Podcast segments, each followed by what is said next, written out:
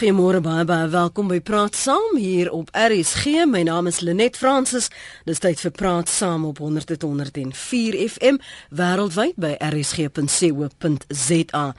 Hoofregter Mogoeng Mogoeng glo godsdiens het 'n belangrike rol in die verryking en die versterking van uh, SA, Suid-Afrika se wette, maar dit beteken ook nie hy meen godsdiens moet wetgewing beïnvloed nie. Hy het hom verduidelik na aanleiding van 'n toespraak wat hy in Stellenbosch gelewer het. En toe is daar 'n groot konsternasie van die wat glo hy sê dat godsdiens wetgewing moet beïnvloed. Nou wil ek vir jou vra, dink jy dat daar wel 'n skeiding tussen godsdiens en die staat of dan nou die reg moet wees of is die twee vir jou versoenbaar? En jy's te altyd welkom om te verskil um, of dalk te ondersteun die menings van ons gaste. Ehm um, soos altyd het ons 'n paar gaste wat uh, hulle opinie met jou gaan deel en luister eers na wat hulle sê hulle en dan kan jy daarop reageer of dalk het jy al reeds 'n mening en jy's welkom om dan sommer begin saam te praat. Ons gaste is Emeritus Pro, Professor George Davenish, hy's van die Universiteit van KwaZulu-Natal. Goeiemôre professor. Oeps, nie daar nie. Goeiemôre net.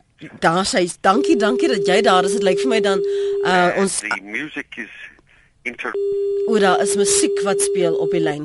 Nou ja, dit lyk vir my daar's probleme soos laas as jy kan onthou ons het laas gekruiste lyne gehad en dis daar ehm um, musiek wat speel. Kom ons gaan vir Jody vra om albei gaste weer te skakel en dan gaan ek vir Tarin Oosthuizen laat weet dat ons beslis iewers gekruiste lyne het wat ons gaste hoor musiek. As jy saam wil praat, as jy welkom, ek sal jou oproepe neem op 0891104553. As jy dink dat daar tog 'n versoenbaarheid is tussen godsdiens en die staat of dan nou die reg, of jy voel dalk nee wat um, die twee moet um geskei word. Uh, Professor George Davenish het die afgelope naweek Hy is by die Universiteit van KwaZulu-Natal uit die afgelope naweek in die Sunday Times om uh, vir regter Mgoeng Mgoeng gekritiseer oor sy uitlatings en hy het spesifieke menings daar rondom. Ons gaan natuurlik ook 'n gelowige, nie dat die ander twee nie is nie, nê, uh, vra om uh, spesifiek sy perspektief te deel rondom wat die teologie sê en hoe hy dit ook interpreteer. So jy's welkom om dan saam te praat. Ek gaan ook intussen kyk na julle menings op uh, ons uh, Twitter lyn uh, by Lenet Francis 1. Kom ek hoor net gou of professor François Venter wel vir my kan hoor. Professor Venter, kan jy my hoor? Ja, goeiemôre. Môre, ons gaan probeer, probeer om vir professor eh, Davenish in die hande nog te kry. Ek dink hy is weer by my, né, nee, professor Davenish? Uh goeiemôre Lenet. Daar sê baie welkom aan julle uh, albei. Goeiemôre aan die luisteraars. Ek wil net seker maak julle hoor nou nie hemelse musiek of enige musiek van enige aard nie, nee, julle hoor net my stem nou. I hear you. Uh, okay. Uh, um, it's a little bit soft, so if you could just turn the volume. Okay. Up. En ek sal net vir jou vra professor Davenish om 'n klein bietjie um vir my nader aan jou gehoorstuk ook te beweeg. Kom ek begin by jou professor Davenish. Ek weet jy verstaan wel Afrikaans en jy's 'n ywerige ywerige luisteraar van RSG. Baie welkom ek op op lig. Dit is 'n wonderlike program. Baie dankie. Um sê eens gou vir my jou hoekom het jy gevoel die behoefte gevoel om um, spesifiek te reageer op regter Mogoeng Mogoeng se se uitlatings na aanleiding van sy toespraak? Um, Lynette, you know, I don't in any way uh, deny the integrity and sincerity of the Chief Justice in expressing his views. But my point of view is that the Constitution of South Africa is a secular constitution. And the function of judges within a secular constitution uh, is in order to ensure that there's independence of the judiciary and that they act impartially. And that requires of members of the judiciary to keep their religious and political views private. Once they begin to express religious views publicly, it creates the impression of partiality. Mm. And in our law, we know the situation is that um, a reasonable apprehension of bias is the test for uh, impartiality. And consequently, I'm of the view that a judge needs to do his job uh, as adjudicating without there being any influence whatsoever on him, whether it be political and religious. Well, and that is why I differ from the Chief Justice, and I am saying that he should keep his religious views private, and that he should not be expressing in public views for one religion, as he did in the Mail and Guardian when he uh, expounded the Christian religion. Mm. And I understand that in his speech in um, Stellenbosch, he said religion must be factored uh, into the lawmaking process. And I believe that that is an indication of partiality. So that's more or less mm. uh, my view. Ek gaan nou nou 'n bietjie vir jou verder daaroor uitvra. Ek wil net gehoor by professor François Venter hoor, hy's hoof van Noordwes Universiteit se regsfakulteit. Wat is vir jou problematies rondom die uitlatings wat hy gemaak het, professor Venter? Uh, dit is uh, baie interessant uh, ook om uh, George te hoor. Hallo George, ek en George is uh, al kennisse vir baie jare. Ehm um, Hi François, dis lekker om jou te hoor. Daar's dit George. Ehm um, ek verskil uh, uh, van George sowel as van die hoofregter. En uh, dit uh, kan dalk nog 'n interessante gesprek op die oomblik afgee. Die situasie is dat ehm um, die hoofregter het 'n uh, teenstrydige stel uitlatings gemaak. Hy het uh, gesê hy sal nie wil voorrang gee aan sy geloof bo die grondwet nie. En ek dink dit is presies waar die die brandpunt lê oor hierdie soort van kwessie. Die uh, implikasie van wat die hoofregter sê is dat die grondwet in stryd is met sy geloof. En uh, nou die ding het 'n baie lang uh, werklik 'n lang historiese agtergrond en geskiedenis. Mm -hmm. Die ehm um, uh grondslag van van ons uh, hele liberale demokrasie uh, kom uit uh jare se westerse uh, grondwetlike ontwikkeling en word uh, die afgelope ten minste 5 dekades uh, selfs dalk meer gedomeineer deur uh, die liberale denke waarvan George 'n uitstekende eksponent is. Nou die liberale denke wat die gegroei het in die 19de eeu in, in Brittanje toe veral in die tyd toe uh die die son nog nie ondergegaan het nooit ondergegaan het oor die die Britse ryk nie maar baie invloedryk gewees. Mm -hmm. En het die konsep van 'n uh, 'n uh, staat wat sekulêr moet wees uh, laat vestig.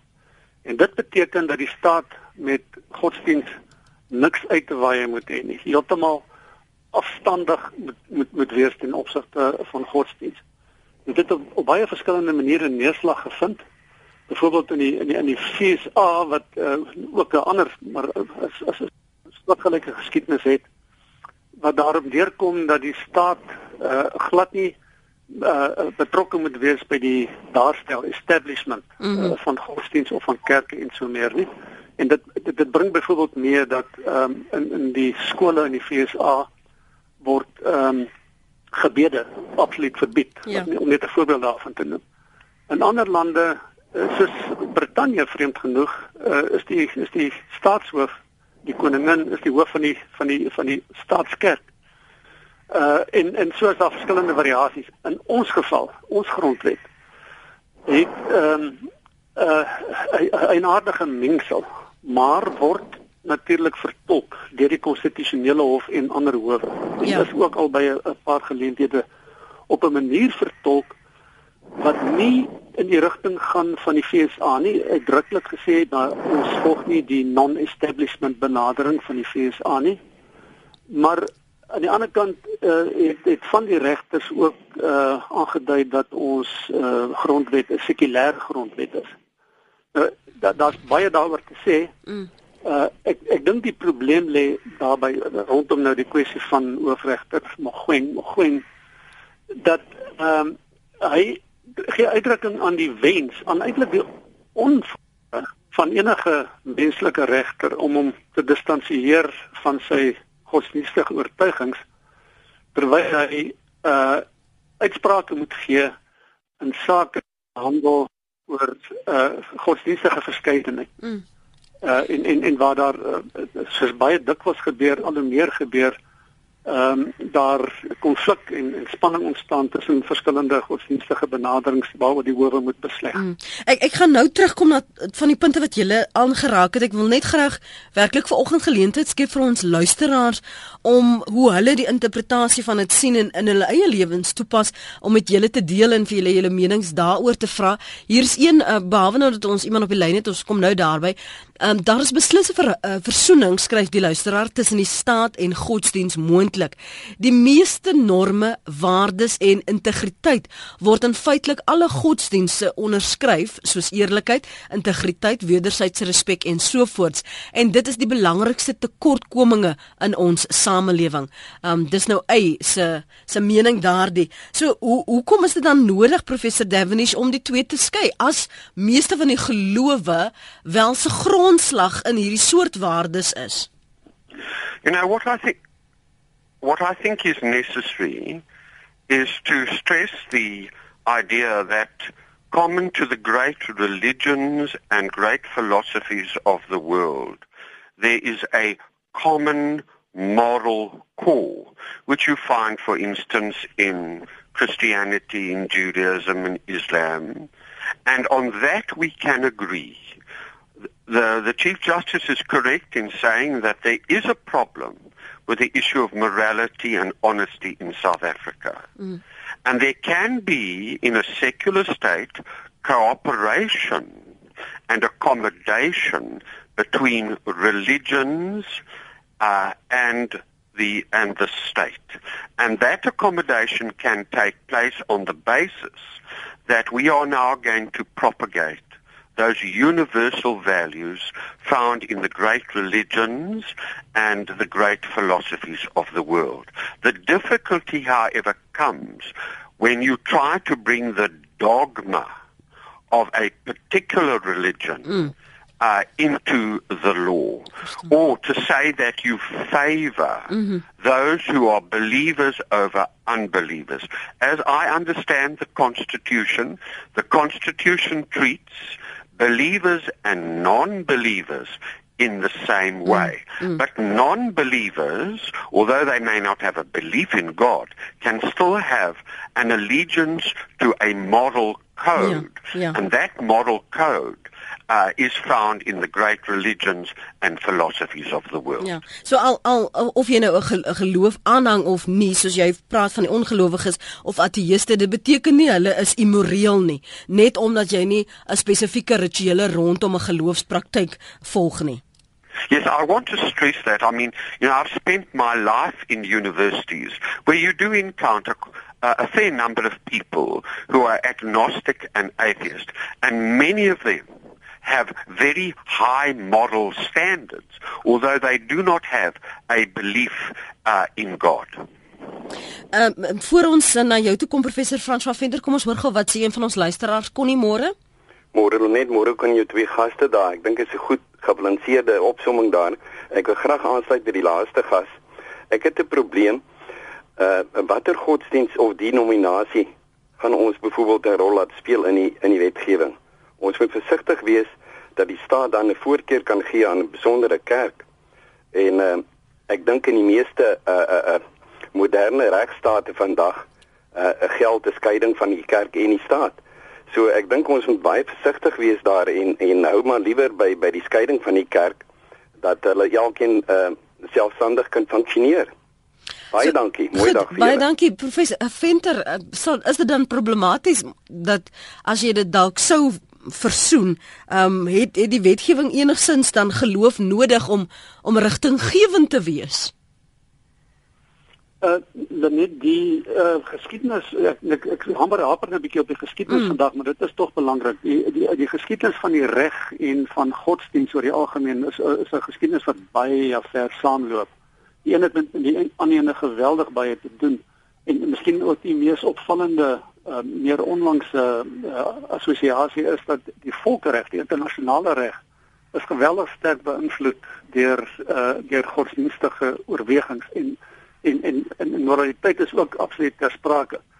Die die die saak is net dat 'n mens moet in uh, wanneer jy te doen het met die reg en met godsdiens ehm um, moet 'n mens 'n paar dingetjies onderskei. Een daarvan is dat dit van selfsprekend van mekaar onderskei moet word. Die die staat en die kerk is nie dieselfde ding nie. Hy het uh, uh ontwikkeling uh, in, in sy ontwikkeling en hulle ontwikkeling kan mens sê het ja. hulle uh, uiteengeloop.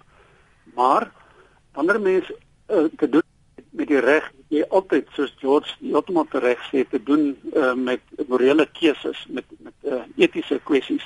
Die vraag is wat is die fondament waarop byvoorbeeld 'n hof 'n regter 'n uh, beslissing maak uh veral oor sake wat te doen het met godsdienst of wat godsdienstige konnotasies het. En dit is van selfsprekend so dat dit nie reg sal wees as 'n regter sy eie denominasionele of uh, watter ook al uh, godsdienstige oortuigings gaan afdwing op ander mense wanneer hulle uh, oor oor die oor, oor 'n regskwessie moet beslis. Mm. Ehm um, maar die reg beweeg nie in 'n ligleë ruimte nie in 'n in 'n in 'n ruimte waar daar geen sprake is van moraliteit en etiek nie daar die fondamente daarvan moet iewers gevind word en die ironie van die saak is dat sekularisme is 'n soort godsdienst in, in 'n bepaalde sin dat uh, as jy jou jou morele standaarde wil vind in sekularisme dan soek jy dit in die die menslike rede, die die verstand, uh die logika om dit nou so te stel. Mm -hmm. Dit is 'n bepaalde benadering. My standpunt uh oor die hoe hoewe en die reg en die staat op die ou end uh, te werk moet gaan met uh kwessies uh wat te doen het met godsdienst, veral in 'n plurale gemeenskap soos ons en waar jy 'n hele reeks godsdienste het wat uh wat moet geakkommodeer word. Mm -hmm. Is dat 'n mens nie die die indruk moet probeer skep as 'n regter byvoorbeeld dat jy daartoe in staat is om jouself heeltemal los, los te maak, mm. neutraal te wees wanneer jy uh, oor 'n saak moet beslis nie wat nodig is is dat 'n regter moet objektief wees dit klink nou 'n fyn onderskeid maar is 'n baie belangrike onderskeid as 'n as 'n mens objektief is oor hierdie soort van kwessies dan beteken dit dat jy erken jy neem kennis jy jy neem 'n aanmerking dat jy self bepaalde standpunte het wat dit ook al mag wees godsdienstig of sekulêr of wat ook al. En dat jy dan bewustelik na geregtigheid streef op 'n objektiewe manier. Kom ons hoor wat sê ons luisteraars hierso op ons SMS lyn en ons webblad. Uh, Jaco skryf as gelowige, dink ek tog dat geloof en Christendom 'n plek het in die wet, maar ons deel 'n land met hordes ander wat verskillende gelowe en selfs geen vorm van Christelike geloof het nie. Daarom is dit belangrik dat dit wel met sensitiwiteit behanteer moet word, maar daar is iets soos 'n basiese oordeel, basiese respek vir lewe, het sy mense, diere of jou omgewing en dat dit moraliteit tyd uh, bepaal en gehoorsaamheid aan die wet en of wetteloosheid word hieraan gemeet het sy positief of negatief. As Christen dink ek tog dit is great dat iemand soos die hoofregter bereid is om op te staan vir dit waarin hy glo. Ek gaan nou vir professor Davrish vra hoekom hy 'n probleem daarmee het. En hy sê die Bybelse beginsels is gebaseer op geregverdigheid, integriteit en moraliteit. Um, wat kan daarmee fout gevind word? Heksie sê My opinie is dat godsdiens en politiek van mekaar geskei moet wees. Godsdiens moet 'n in 'n persoonlike ruimte beoefen word. Um die hoofregter insinueer dat slegs gelowige mense morele waardes kan hê. En dis nie waar nie. Watter geloof kan gaan hulle ge gaan gebruik word? Indien een geloof in die politiek gebruik word en nie 'n ander nie, is dit nie strydig dan met die grondwet nie. Uh kom ons hoor gou wat sê Pierre op Heidelberg. Pierre môre? Kortliks. Môre, Lenet. Ek voel dat uh, die Bybel en in die Christendom moet in alle alle alle fasette van die lewe weerspieël word. En al is dit ook in die, in die reg. Daar word die staatspresident ingehuldig met sy hand op die Bybel en hy moet sweer dat hy die waarheid praat. Het hy die waarheid gepraat? Dis die vraag. In elk geval, hy sal alleen weet. Maar nogtans, daar is die die grondwet sê dat die regters nie inmeng met dit en dat en dit en dat nie. Maar al die regters word aangestel deur die staatspresident. Met ander woorde, wie beskerm hulle? Die staatspresident. Daar is nou 'n regter wat nou nog daar sit. Pier. Wat Pier? Politieke Pier, ons moet by die punt bly asseblief. Kom ons hoor wat sê pastoor Davie. Is dit pastoor Davie? Pastoor? Hallo. Is dit pastoor Davie of Divi? Dis reg, ja. Ag ek, ek ek geniet julle julle program pragtig. Al julle programme hoor. Maar ek wil net sê, ek wil dit net ek wil nie lank ding doen maak nie. Ek wil net sê weet jy dat die hele regstelsel plus al die jare van waar ek gebore is en kan onthou is alles op die woord van God se wette gebou. Die 10 gebooie en al die ander bywette wat so het mense gebruik om die die wêreld in, in orde te probeer hou. So ander woorde, jy kan maar nou die Bybel een kant te stoot, maar daardie dinge is diep ingegrif in die mensehart. En jy kan hom al die wette wegskrywe, maar in die hart van die mens is daardie wette geplaas en hy kan, sal Kan ek vir u vra? doen nou weet hy het verkeerd te doen. Kan ek vir u vra om om die vraag te beantwoord wat die vraag van môre is in praat saam of dit twee geskei moet word en of dit versoenbaar is? Uh, wel kyk uh, vandag se dae as jy vat die die verskillende etiese mense wat uh, in die land is. Die een is Hindu, die ander een is Moslem, die ander een is is voorvader uh, aanbidders, die ander is 'n uh, uh, Pinkster, die ander is NG, die, jy weet jy weet jy die verskillende kerke, né? Nee. So daar is so 'n mengelmoes. Uh, de, maar die wette bly nog wette. Goed.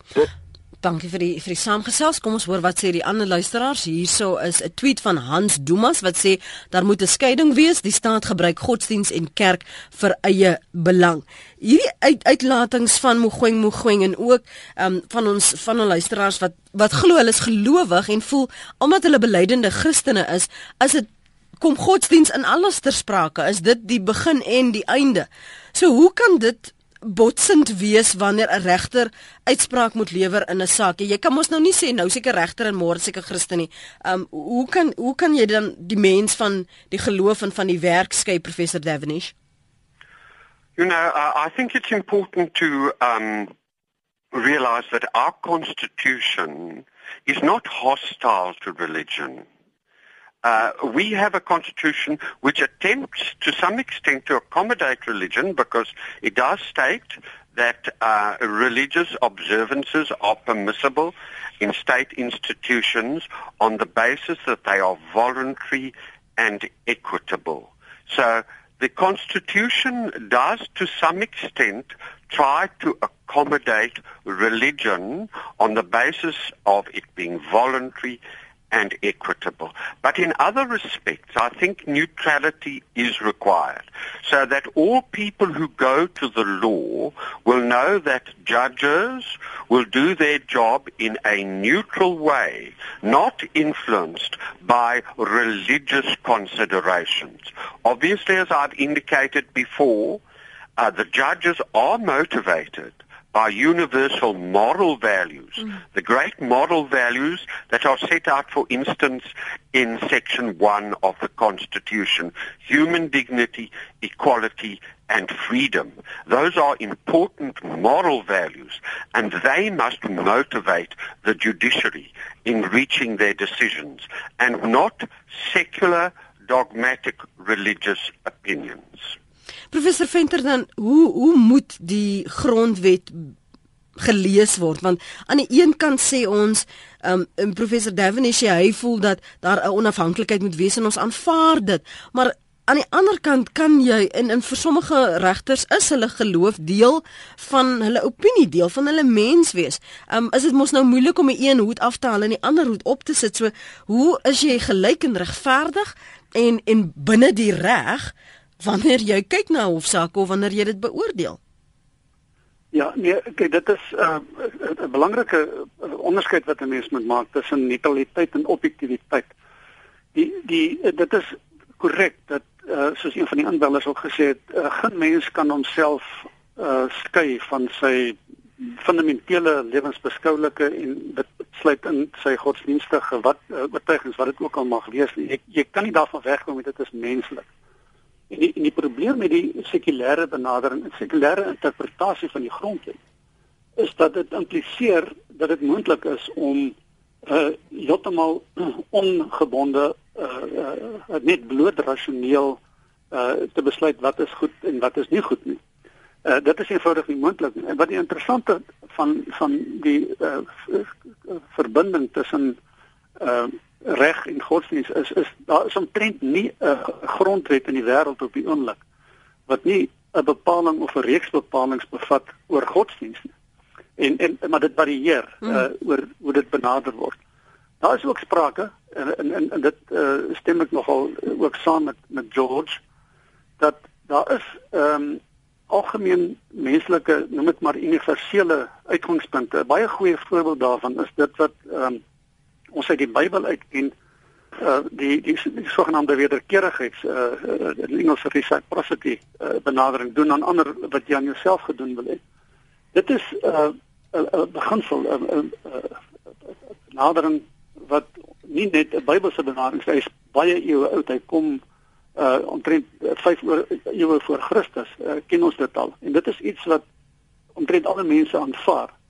Maar dit beteken nie dat ehm um, dit reg is vir 'n hof of vir die staat oor die algemeen om te maak asof godsdiens bloot 'n private saak is terwyl dit 'n uh, saak is wat uh, toenemend deesdae ehm um, weer baie sterker na vore tree na die openbare uh, debat openbare terrein openbare ehm um, uh, uh, markplek om dit so te stel nie.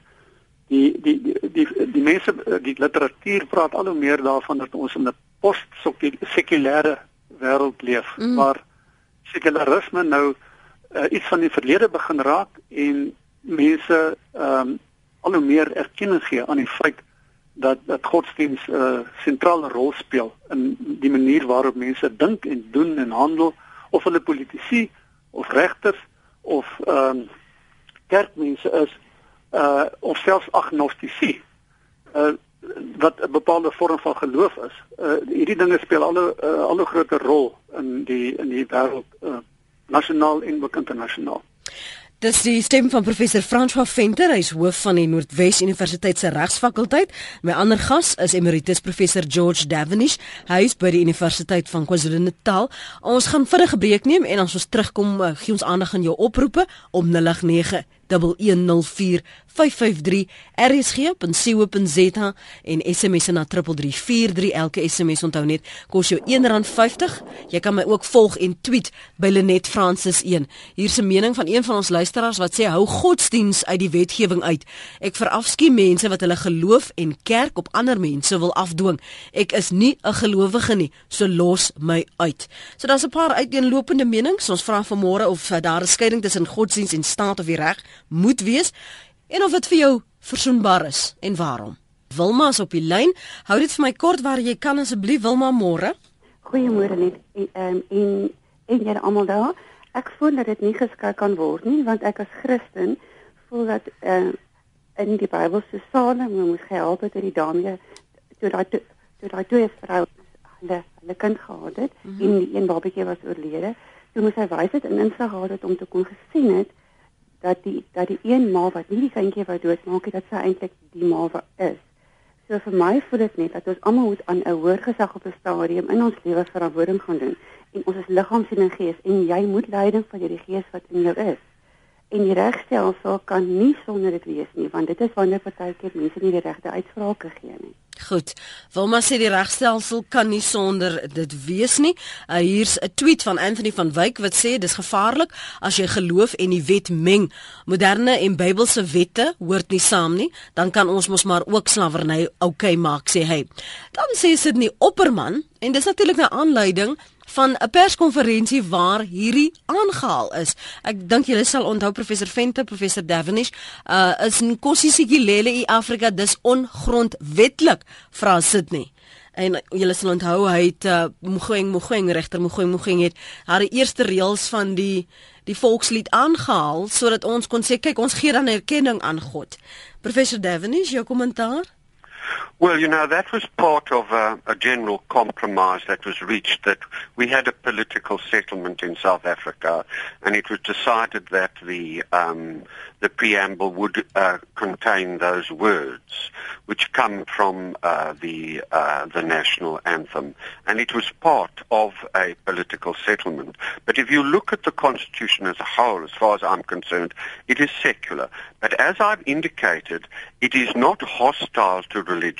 So we do permit uh, uh, in our constitution uh, religious observances on the basis of equality and on the basis that they are voluntary. But I think it is wisest, as far as judges are concerned, that their political and their religious views should remain private.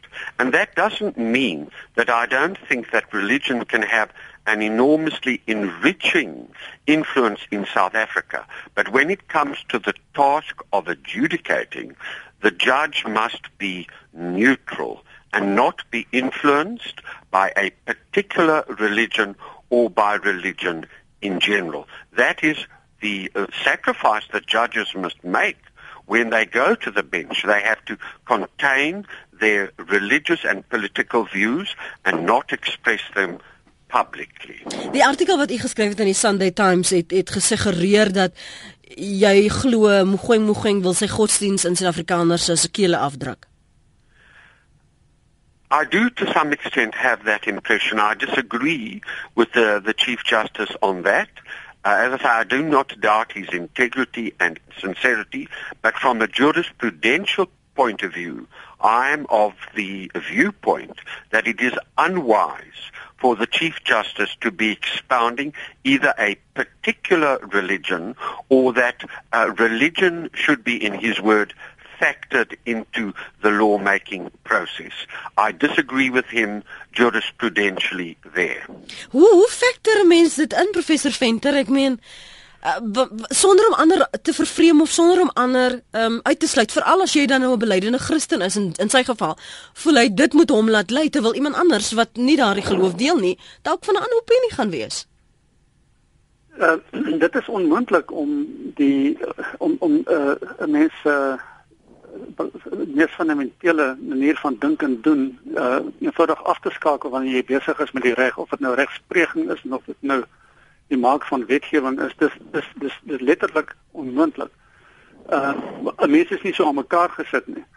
Maar die uh om die regte benader uh, op 'n manier wat sogenaamd neutraal is, uh, is eintlik 'n ontsnaproete om nie uh, wesenlike kwessies uh om om die konfrontasie met wesenlike kwessies te probeer vermy wat die uh, uh, grondwet natuurlik sê is nie uh, in het sy of dit in die voorrede is of in die handves van regte waar uh, godsdienstvryheid en gewetensvryheid en so aan gewaarborg word uh, sê nie dat hierdie dinge ehm um, is uh, los van die menslike bestaan nie mm. inteendeel dit dit erken tot 'n tot 'n baie hoë mate die feit dat hierdie uh, sake is wat uh, uh vir die gemeenskap wat in die land lewe en wat onder die grondwet lewe van van wesenlike belang is. Die vraag is hoe kry 'n mens dit goed met mekaar versoen?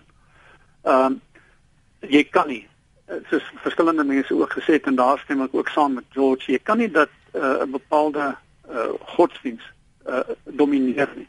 Maar as jy wil heen gaan en sê maar ek skakel my godsdiens af uh wanneer ek besig is met die reg dan dan is jy besig om jouself uh te kil. Uh die die hoofregter se uitsprake in die verband uh dui eintlik op hierdie soort van konflik waar hy sê hy steen hy hy sê godsdienstige oogpunt is hy heeltemal gekant teen bepaalde goed wat in die grondwet staan laat nou maar dit daar wat waaroor dit gaan. Maar ja, hy is gebonde deur sy eed om die grondwet toe te pas. En dit kan nie dit kan nie werk nie. Jy kan nie ehm um, 'n wetgewer of 'n 'n regspleger of uh, selfs 'n uh, 'n uh, 'n mans uh, uh, regerings uh, lid van die regering van die land wees en dan maak asof daar nie so iets as godsdiens is nie. Ehm um, en dus die die die in uh, werk van die godsdienstige uh, sienings en en beginsels en so aan lê op die vlak van moraliteit. Uh daar het 'n mens uh, uh, weet baie moeilike keuses dikwels om te maak. ons land het al uh, ons parlement het al ongelukkig uh soms uh, keuses gemaak wat strydig is met bepaalde godsdienstige sienings soos byvoorbeeld om die doodstraf aan die een kant af te skaf en abortus aan die ander kant uh te wettig. Uh daar's wesenlike morele kwessies wat daar ter sprake kom. En, en aan die ander kant van die saak is die staat kan ook nie lam gelê word deur uh, godsdienstige verskille nie. Maar daar moet uh, so goed as moontlik volgens die uh verskeidenheid van oortuigings wat in die land bestaan ten opsigte van godsdienstige sake maar moet uh, reg ingerig word. Hoe hoe dan? Hoe benader jy dit dan? En ek wil graag julle albei se opinie hieroor hoor. Die teenstrydigheid dat jy is nou soos hy in sy geval, dit is sy geloof, dit is sy geloofoortuiging. Baie Christene byvoorbeeld, um is nie te vind vir 'n idee van 'n gay huwelike nie, want hulle het hulle godsdienstige oortuigings en dan aan die ander kant het ons 'n grondwet waaraan waar, waar waaraan hy sê hy glo wat dit uh, moontlik maak vir gay huwelike dan. So so hoe gaan jy dan neutraal bly? Hoe gaan jy dan die twee kan skei? Jy jy kan nie neutraal bly nie. nie. My my argument is dat 'n mens die goed nie onder die mat moet probeer invee onder die dekmantel, letterlik die dekmantel van neutraliteit nie, wat onmoontlik is nie. 'n Mens moet die goed na vore bring en daaroor openlik en duidelik jou standpunt stel en debatteer. Die uh, dit is iets wat anders wanneer by regs uh, dis is baie opvallend in, in reg deur die wêreld maar ook in ons regspraak dat in die meeste gevalle waar daar beslis moet word oor godsdienstkwessies is daar by by 'n uh, bank wat meerdere regters op het is daar dikwels meerderheids en minderheidsuitsprake. En dikwels gooi hulle dit al op by kante dit oor die boek van neutraliteit maar die werklikheid is dat dit gaan oor verskillende uitgangspunte en opvattinge oor die saak. Nou wanneer dit kom by wetgewing en dit is waar die die hoofregter gepraat het wetgewing is iets wat gedebatteer moet word in die parlement en en dit is die prosedure waarvolgens wetgewing tot stand kom. Daar moet mense nie die indruk probeer skep wanneer hulle daaroor debatteer dat hulle nie godsdienstige oortuigings het nie, maar dit moet 'n deel van vorm van die debat. Jou gedagtes professor Devenish? You know, um, I think it's important to realize that when judges assume office, they take an oath to serve, you know, the Constitution and the law. And that must be what they do when they adjudicate. If they are unable to reconcile their own personal beliefs with the Constitution and the law, then they must not assume uh, judicial office. But it is important to realize, as I've indicated before, that our Constitution is not hostile to religion. Um, there is an accommodation but a judge's function is such that in adjudicating, the judge must owe first and foremost allegiance to the Constitution.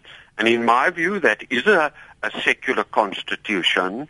And if they are unable to do that, then they should not assume judicial office. And that also requires, in my view, that their personal religious views should remain private. Those religious views may enrich them as people, but we have to go uh, ahead on the basis, as I've indicated before, that there is this common morality. And that is what I think the Chief Justice can legitimately be promoting the, the great values of human dignity, equality and freedom that are found in the Constitution. And from that flow, you know, honesty and integrity. But secular, uh, but um, dogmatic religious views should not come in. Ruben is een van die luisteraars op ons webblad. Hy sê ek moet asseblief asseblief vra oor die staat van Israel. Um Ruben, stuur vir my wat jy wil hê ons moet vra rondom dit.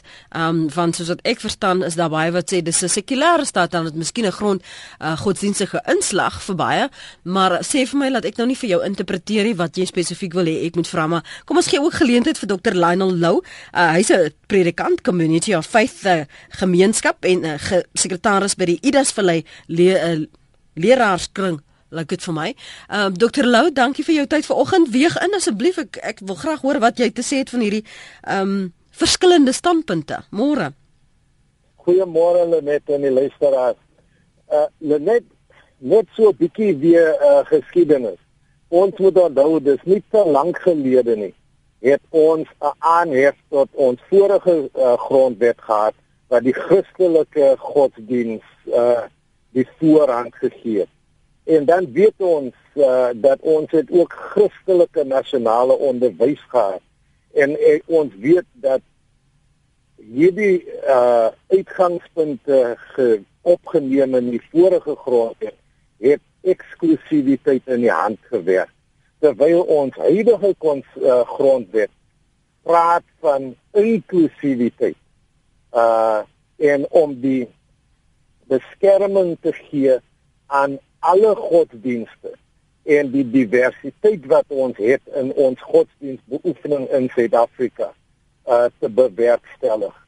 As ons praat van uh die uh wetgewing wat beïnvloed moet word deur uh godsdienst, dan moet ons ook vra watter godsdienst maar ook binne elkeen van die godsdienste wat daar is, is daar verskillende interpretasies. En dan moet mense onmiddellik vra watter interpretasie van die bepaalde godsdienst sal in ag geneem word. En dan weet ons dat daar is fundamentalistiese uitgangspunte in godsdienste. Dis nie eie aan die moslim uh, godsdienst nie. Dit is ook in die Christen godsdienst wat ons het. Ons het dit ook in die Joodse uh, uh, godsdienst. Uh, dit waarmee uh, waarmee ek bekend is.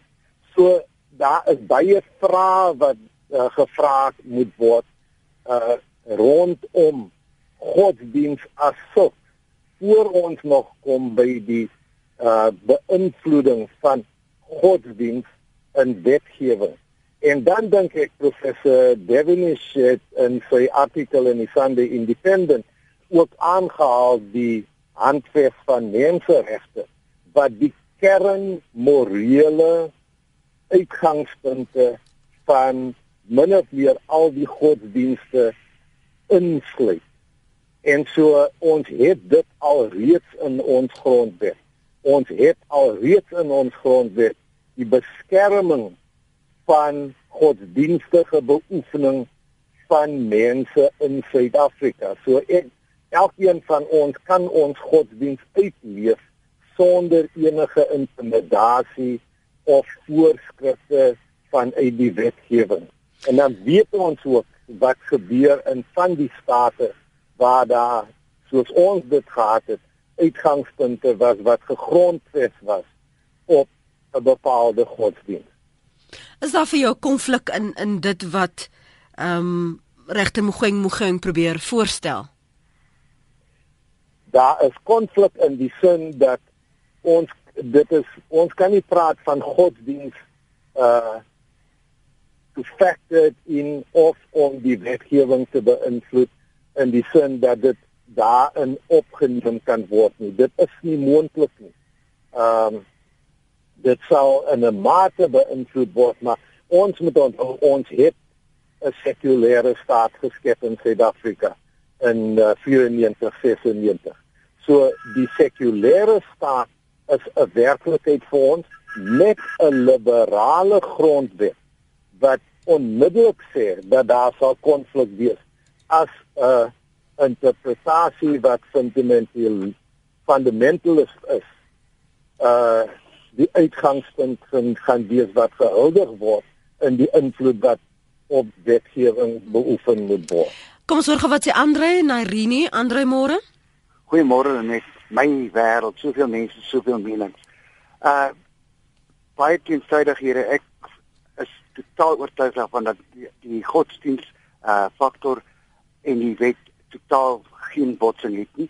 En ek dink net die ehm um, uit dit die gesprek maak nie voorsiening vir die hoofregter se vryheid van spraak wat in elk geval in ons handves van menseregte opgeteken is uit die volste reg ten alle tye. Hoekom word hy nou aangeval omdat hy jy kan nie in 'n kompartement leef nie En ek ek respekteer alle gelowe ten alle tye, maar ek dink die grootste probleem op hierdie stadium is die gebrek aan respek of jy nou Hindu is of jy moslim is of Christen, jy het die volste reg. Jy jy het nie die reg om jou uh opinies op ander mense af te dwing nie. Jy mag dit lig. Dis jou mening, dis jou goeie reg, maar die vryheid van spraak is baie baie uh, duidelik deel van ons konstitusie. Dink jy Andre Andre ekskuus ja, ja. Dink jy nie die rede hoekom ons en hoekom daar so 'n reaksie was is juis ingesluit in die feit dat hy's die hoofregter. Hy sê net ek en jy met 'n mening nie, dis die hoofregter. Wat wat wat dit sê? Ekskuus tog, kan ek net eendag sê, ons doen maar almal regterskap op op op 'n klein of groot skaal. Ons wil almal graag oordeel en beoordeel. Dis nie ons reg nie. Die Bybel sê baie duidelik, uh, jy jy dit die reg dit kom jou nie toe om te oordeel nie. So ons het regters daar gestel, dan moet ons daarmee saamleef. Uh dis totaal teenstrydig vir my. So ek, ek, kan nie dink dat mense hom aanvat nie. Uh, hy hy kan mos nie in 'n kompartement leef nie. Ek uh, bewonder hom dat hy opstaan vir sy geloof en ek bewonder enige iemand wat opstaan vir hulle geloof. Dit sê hulle natuurlik wandade pleeg. Maar uh, die hele ding, on, die ironie van die hele saak, die hele ironie dat die wette of dit die Koran of die Torah of die Bybel is, sê juis vir jou onderhewig jou aan die gesag van die reg op jou staat en elkeen van hulle. So hier is hier's 'n groot botsing hierso. Goed, dankie vir jou mening Andre. Um, ons moet nog vir julle al drie vra om kortliks op te som uh, wat wat 'n samevatting van wat julle wil sê vir al 'n aanleiding van Andre se mening en dan um, skryf Dr. Danititis die hoofregter het in sy openbare onderhoud met die aanstellingskommissie aangetoon dat hy hom laat lei deur Romeine 13 wat aantoon dat die owerheid deur God ingestel is. Dis die teks wat in die stryd teen apartheid 'n enorme teologiese struikelblok was om die apartheidsregering as goddelik te aanvaar. Sy omarming van die teks is 'n aanduiding van 'n godsdienstige knieval tot die huidige regering. En dan sê Ruben Levy, wat is hulle mening van die staat van Israel? Daar is ook ander gelowe wat die alleenreg het. Wat dink hulle daarvan? Kan ek gou vir julle vra? Kom ons begin by jou professor Frans van Venter, dan professor George Davenish en dan Dr Lionel Lou. Professor Venter? Ons is bevoorreg in Suid-Afrika dat ons eintlik uh, ten spyte van ehm um, dit 'n paar hobbeltjies waaroor ons gegaan het in die, in die verlede rondom hierdie kwessie eintlik in 'n baie godsdienstig verdraagsame land woon. Is, is jy mooi daaraan dink ten spyte van die groot verskeidenheid van van godsdienste wat uh, die in die bevolking van Suid-Afrika aangehang word, het ons eintlik nie werklik ooit uh, godsdienst uh, stryd gehad, uh, uh, werklike uh, uh, gevaarlike uh, onverdraagsaamheid en so 'n goed wat op die oomblik byvoorbeeld in Europa baie sterk uitslaan. Maar uh, as ons dit in aanmerking neem, dink ek is dit baie belangrik dat ons ehm um, moet aanvaar dat godsdiens nie uh, uh, geïgnoreer kan word nie. Dat dit 'n baie belangrike faktor is in die gemoedere van die hele Suid-Afrikaanse gemeenskap en dat dit 'n feit is wat moet sigbaar wees in die openbare gesprek uh, ook wanneer dit gaan oor die reg en wanneer dit gaan oor die daarstel van uh uh oor vlakke van moraliteit. Goed. 30 sekondes vir jou professor Davenish en 30 sekondes vir dokter Lou. Dok professor Davenish? You know the chief justice is the head of the judiciary of the whole of South Africa. And as such, he must in my view, as far as religion is concerned, act in a neutral way in relation to his public pronouncements. His own personal views on religion should remain private, and obviously they will enrich him. Our state is not uh, uh, hostile to religion, it accommodates religion, but it does require that judges in their function of adjudicating and in their public pronouncements must act in a neutral way indicating that they're not influenced by any particular religion or religion in general. Dr. Lionel Lou? Uh ons uh lewe in 'n sekulêre staat geskep deur 'n liberale grondwet wat vryheid van godsdienstbeoefening uh vir ons waarborg. Natuurlik is godsdienst 'n uh, faktor in ons samelewing. Dit moet in ag geneem word, maar ons het ook gesien uh die negatiewe impak op die samelewing wanneer godsdiens ingeskrywe word in die wetgewing. Baie dankie. En dit is nie wat ons wil sien in Suid-Afrika nie. Dr. Lionel Lou, professor François Venter en uh, emeritus professor George Davenish, baie dankie vir julle menings vanoggend. Op praat saam en dat julle die uur kon bly. Ons waardeer. Thank you very much, Lenet. Dis 'n plesier geweest. Dit is ons gaste as jy weer na die program wil luister, as jy welkom om dit af te laai, gaan net na rsg.co.za en laai die pot gooi af, soek vandag se datum en soek die program, praat saam.